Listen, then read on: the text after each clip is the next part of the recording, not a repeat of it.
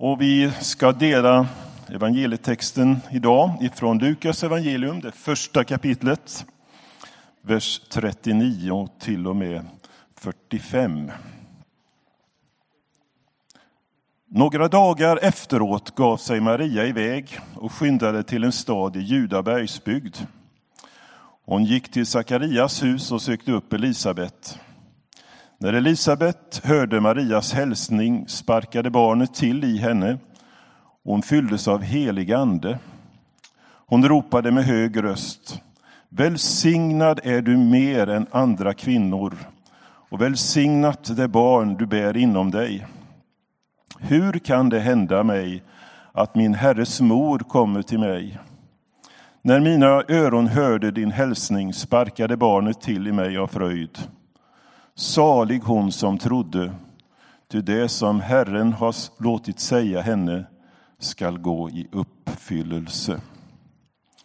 Så lyder det heliga evangeliet.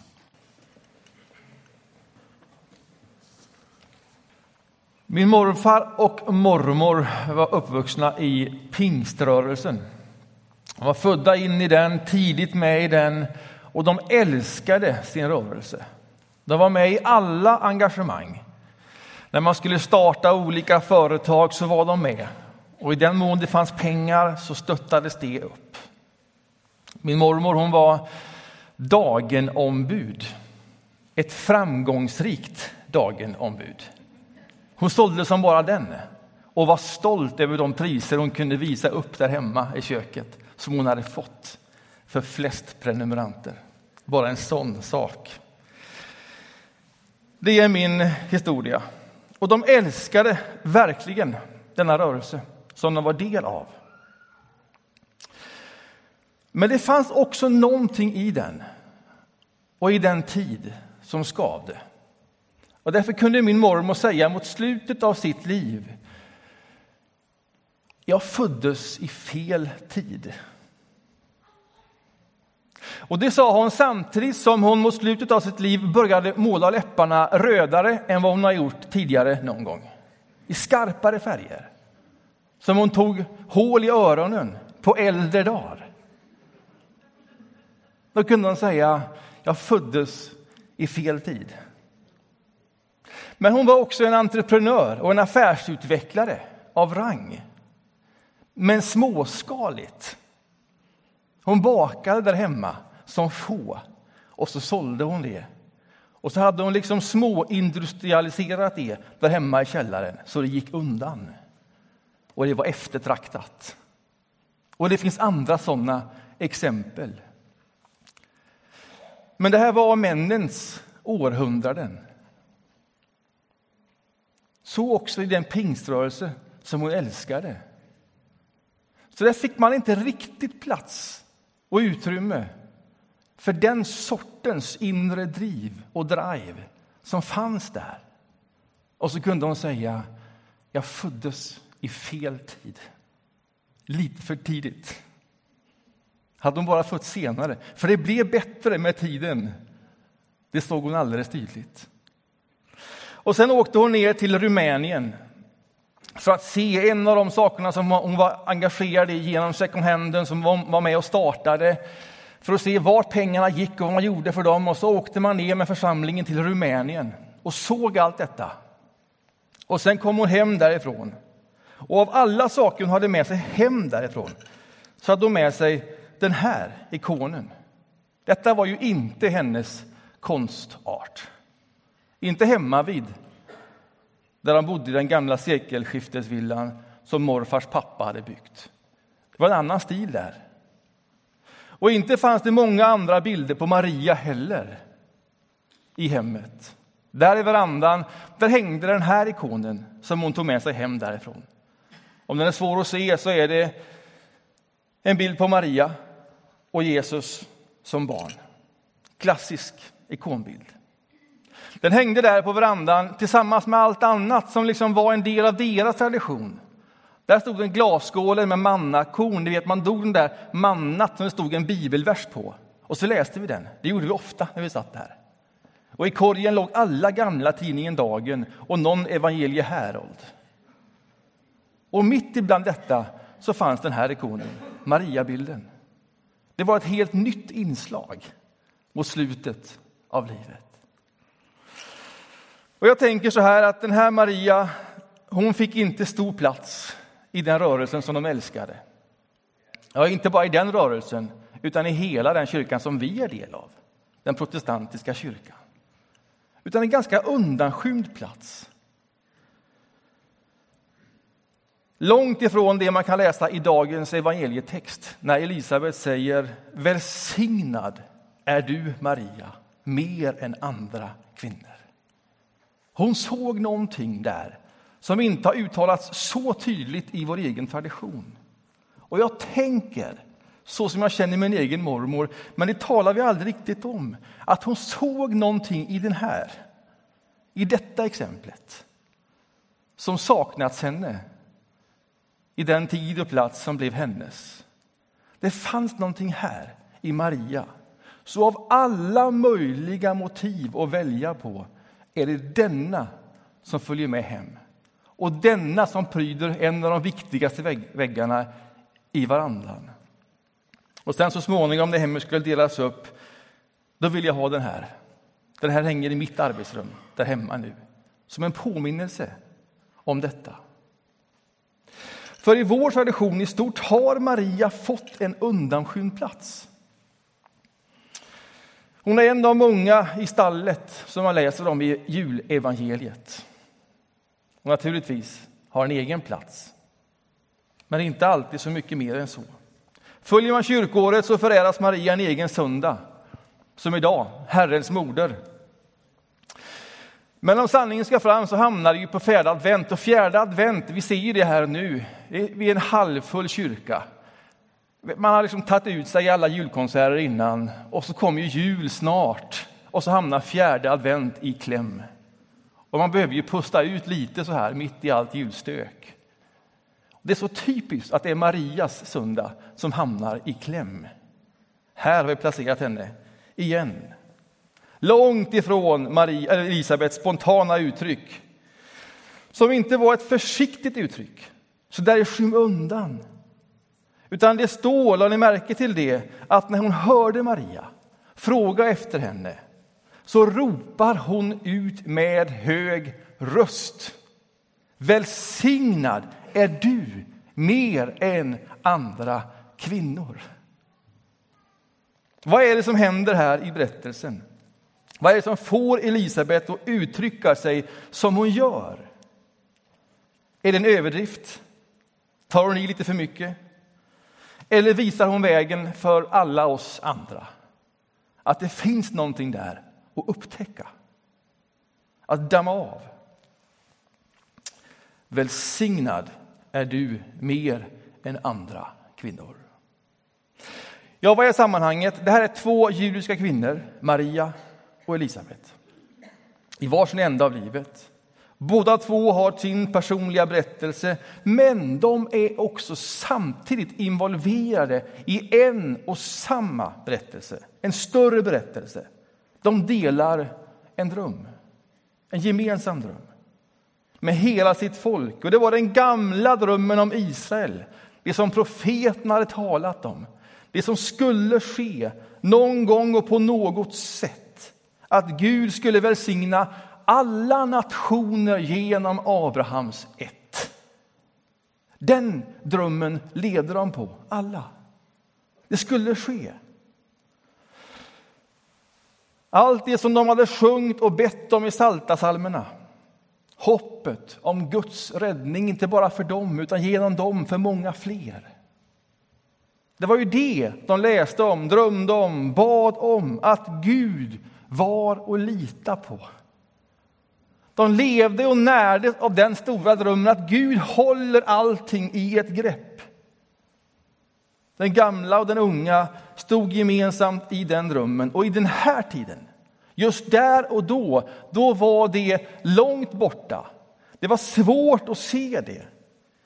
Man kan till och med undra hur kunde de hålla liv i en sån dröm i en så mörk och rå period som de levde med Herodes den store och hotet från Rom och man var ockuperade, förtryckta, undanträngda som folk. Det var fattigt, människor var förslavade. Och i det hålla fast vid att Gud har detta i ett grepp. Vi håller fast. Vi litar på det. Gud ska välsigna alla nationer genom Abrahams ett. Men de höll fast vid det.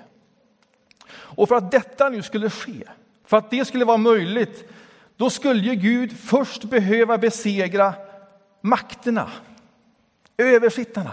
Och så skapade allt detta mörka och roa, de onda krafterna. Allt detta måste ju först röjas ur vägen för att Gud så skulle kunna välsigna genom sitt folk. Det var ungefär så man tänkte, med olika nyanser. Och när Maria får beskedet av ängeln att hon nu är gravid och får höra de här orden, han, han som du är gravid med, han ska bli stor. Han ska kallas den Högstes son och hans välde är utan gräns. Det ska aldrig ta slut. Då är det ju i ramen av denna stora dröm som de båda delade som hon hör ängelns ord. Och kanske vågar tänka då, är det nu? Är det nu? Är det så här? Det är osannolikt. Men hon tolkar det som kommer till henne genom ängeln i det som är hennes dröm och världsbild. Allting utgår ifrån det. Och hon ger inte upp, tappar inte taget, ger inte upp hoppet om denna stora dröm som hon delar med sin äldre släkting Elisabet. Också hon var ju gravid. Hon som var alldeles för gammal för att bli gravid, som hade levt ett helt liv i skam för att hon inte fått barn. Hon och Sakarias. Men så en dag när han är i templet, han är präst, mannen, så uppenbarar sig Gud för honom där och säger Jag har hört din bön. Ni ska få ett barn. Så det är helt osannolikt. Och så kommer ungefär samma ord, stora ord. Och han, som ska heta Johannes, han ska bli stor. Han ska få många att omvända sig till Herren. Han ska gå före och han ska bereda folket. Detta är de orden som hon får till sig. Och hon förstår ju som Maria detta inom ramen för denna stora dröm. Är det nu? Är det på detta sätt? Ska jag på något sätt få vara med i uppfyllelsen av det som vi har bett och lovsjungit om i generationer? Detta är det som händer.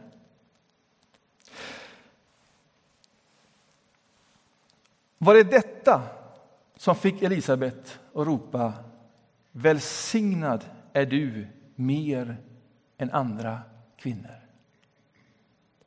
Ja, men på ett sätt var det ju det. De var båda välsignade, men Maria mest. För hon bar på Jesus och Elisabet på Johannes. Jo, visst var det så, men det var mer än så. Det var någonting ytterligare än detta som fick Elisabet att ropa ut sin välsignelse.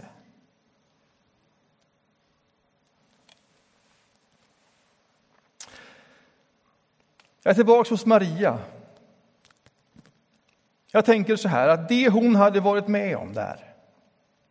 Hon hade mött en ängel som hade gett besked om denna graviditet. Det är ju en väldigt märklig sak att vara med om. Svårt att ta in. Närmast obegripligt. Inte ens Maria kunde ta lätt på det.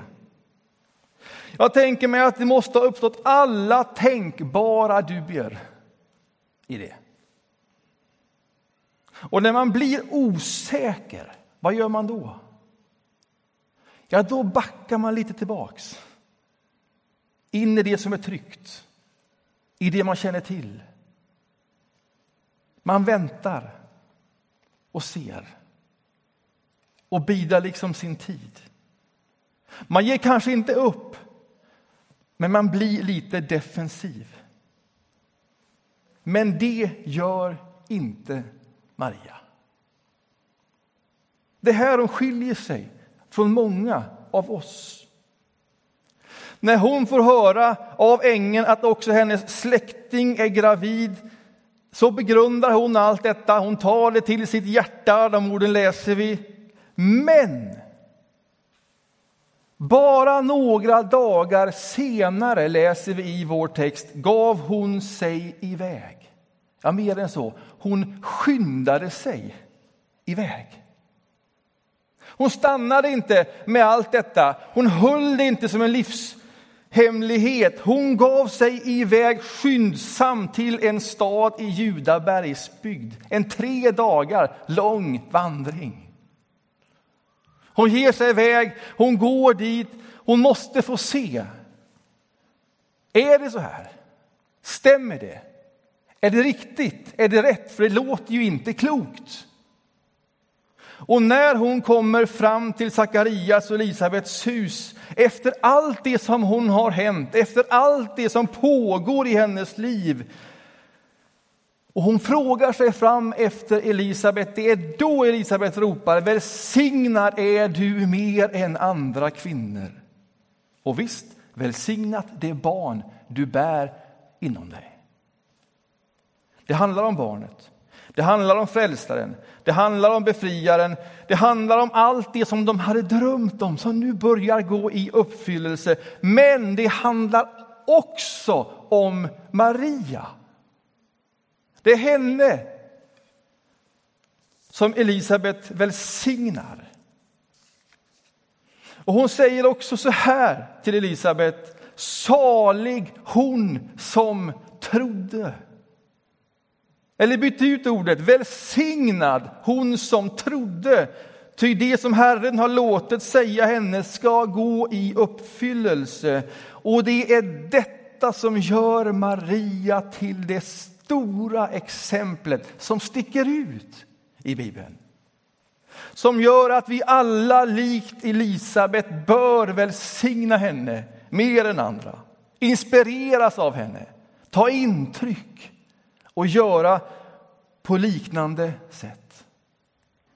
Vad var det hon gjorde? Vad är det vi har läst? Hon hade en dröm, en stor dröm. Och inte bara en dröm som handlar om hennes liv, utan hennes dröm. Den var helt integrerad med den stora drömmen. Det man trodde om Gud. Att Gud hade hela universum i ett grepp. Det fanns en tanke. Och att Gud inte gett upp om den tanken.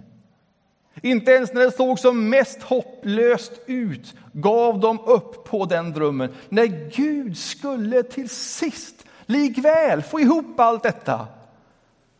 Det var ju det de trodde, det var det de lovsjöng och påminde varandra i textläsningarna. Och man kallar det olika saker. Frälsning, befrielse, frihet. Allt stod för denna stora dröm. Och här är ju lik den som är en kristen människa. Här finns ju motsvarande stora dröm som bygger på samma dröm som Maria hade. Att Gud ska förnya hela vår skapelse. Att allting ska bli som nytt igen. Att alla människor ska befrias. Bli fria människor. Att det ska ställas till rätta det som idag inte är rätt, som är orättvist, orättfärdigt. Att Gud blir allt och i alla, som Paulus säger. Och så är Maria med om ett ingripande från Gud. Det händer någonting. Hur ska hon förstå detta? Jo, hon väljer att förstå det hon är med om sitt, i sitt liv, stort och smått, i, i denna dröm. Hon låter allt som sker tolkas i ljuset av denna dröm. Så när någonting händer så är det inte det en isolerad händelse, utan denna storslagna händelse, det är ännu, det är ännu mer storslaget, därför att detta är en del i den stora drömmen. Och hon på något sätt få vara delaktig i detta. Det är ju det som hon anar. Det är det som är så storslaget både med Maria och med Elisabet. Hon har denna dröm, som också vi har en dröm. Samma dröm. Men inte bara det. Utan hon tar ett steg. Hon skyndar sig.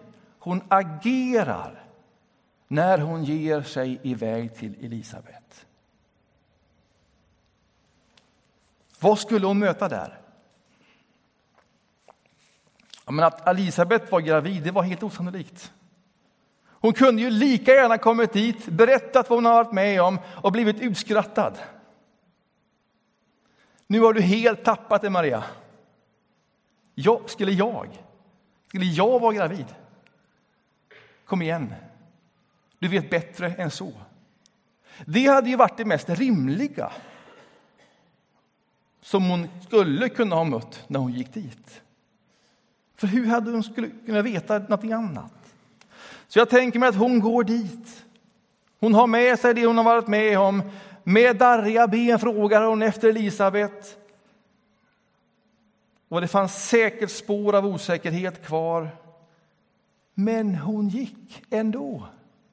Hon gav sig iväg. Det tog några dagar, men sen skyndade hon likväl iväg och vandrade tre dagar. Och Elisabet säger, salig hon som trodde. Hon tog en risk. Hon tog en stor risk.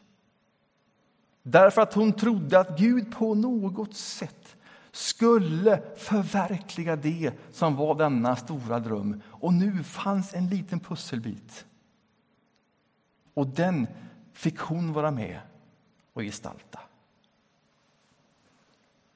Och jag tänker att i detta är Maria det stora föredömet för oss alla.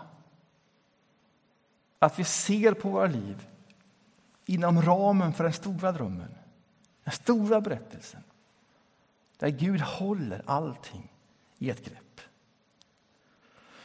Och Jag tror att vi är en del av oss som på nytt behöver få fatt i denna stora dröm. Att inte drabbas av hopplöshet även när det ser hopplöst ut. Utan fortfarande stämma in i lovsången till Gud. Det kan gälla så klimatfrågan som för någon blir bara droppe som får allt att rinna över. Nej, det är hopplöst. Eller man igen läser om flyktingströmmar, migration och vårt eget hanterande i Sverige. Man kan bara känna att nej, man är helt maktlös. Hur ska det gå? Och alla dessa människor på flykt. Eller det kan vara så att man tänker att, att, att varför blev det så att den kristna tron som är så viktig för mig inte gick vidare till nästa generation så som jag önskade, bad och arbetade för. Bara det kan få en människa att också ge upp. Det finns så många saker, stora saker, som kan få oss att liksom nagga på denna stora berättelse. Har verkligen Gud allting i ett grepp? Det ser sannerligen inte ut så. Och det gjorde det heller inte på Marias tid. Det var lika mörkt och rått i delar. Men likväl höll de fast vid denna. Och när Gud agerar så ser de det Gud gör i ljuset av denna stora dröm. De väljer det. Hon tror på det. Och när hon tror på det så tar hon det och sen tar hon steg. Hon gör någonting. Hon agerar. Hon rör sig i en riktning för hon tror att på något sätt här borta till sist så kommer Gud att slutföra det Gud har lovat. Och hon får vara en pusselbit i detta pusslet som håller på att läggas. Här tror jag att för många av oss skulle den här bilden behöva hänga på verandan eller i arbetsrummet och påminna oss om att likt Elisabet välsigna denne Maria som tog en risk, flera risker, för Guds skull och gick utan att veta allt. Och det finns en stor välsignelse för den som tar en risk för Gud. Inte utan lidande. Det var inget enkelt liv Maria kommer att leva. Att vara mor till Jesus med allt det han var med om och till sist hängs upp på ett kors. Det är inget enkelt liv. Men likväl djupt meningsfullt och ett välsignat liv.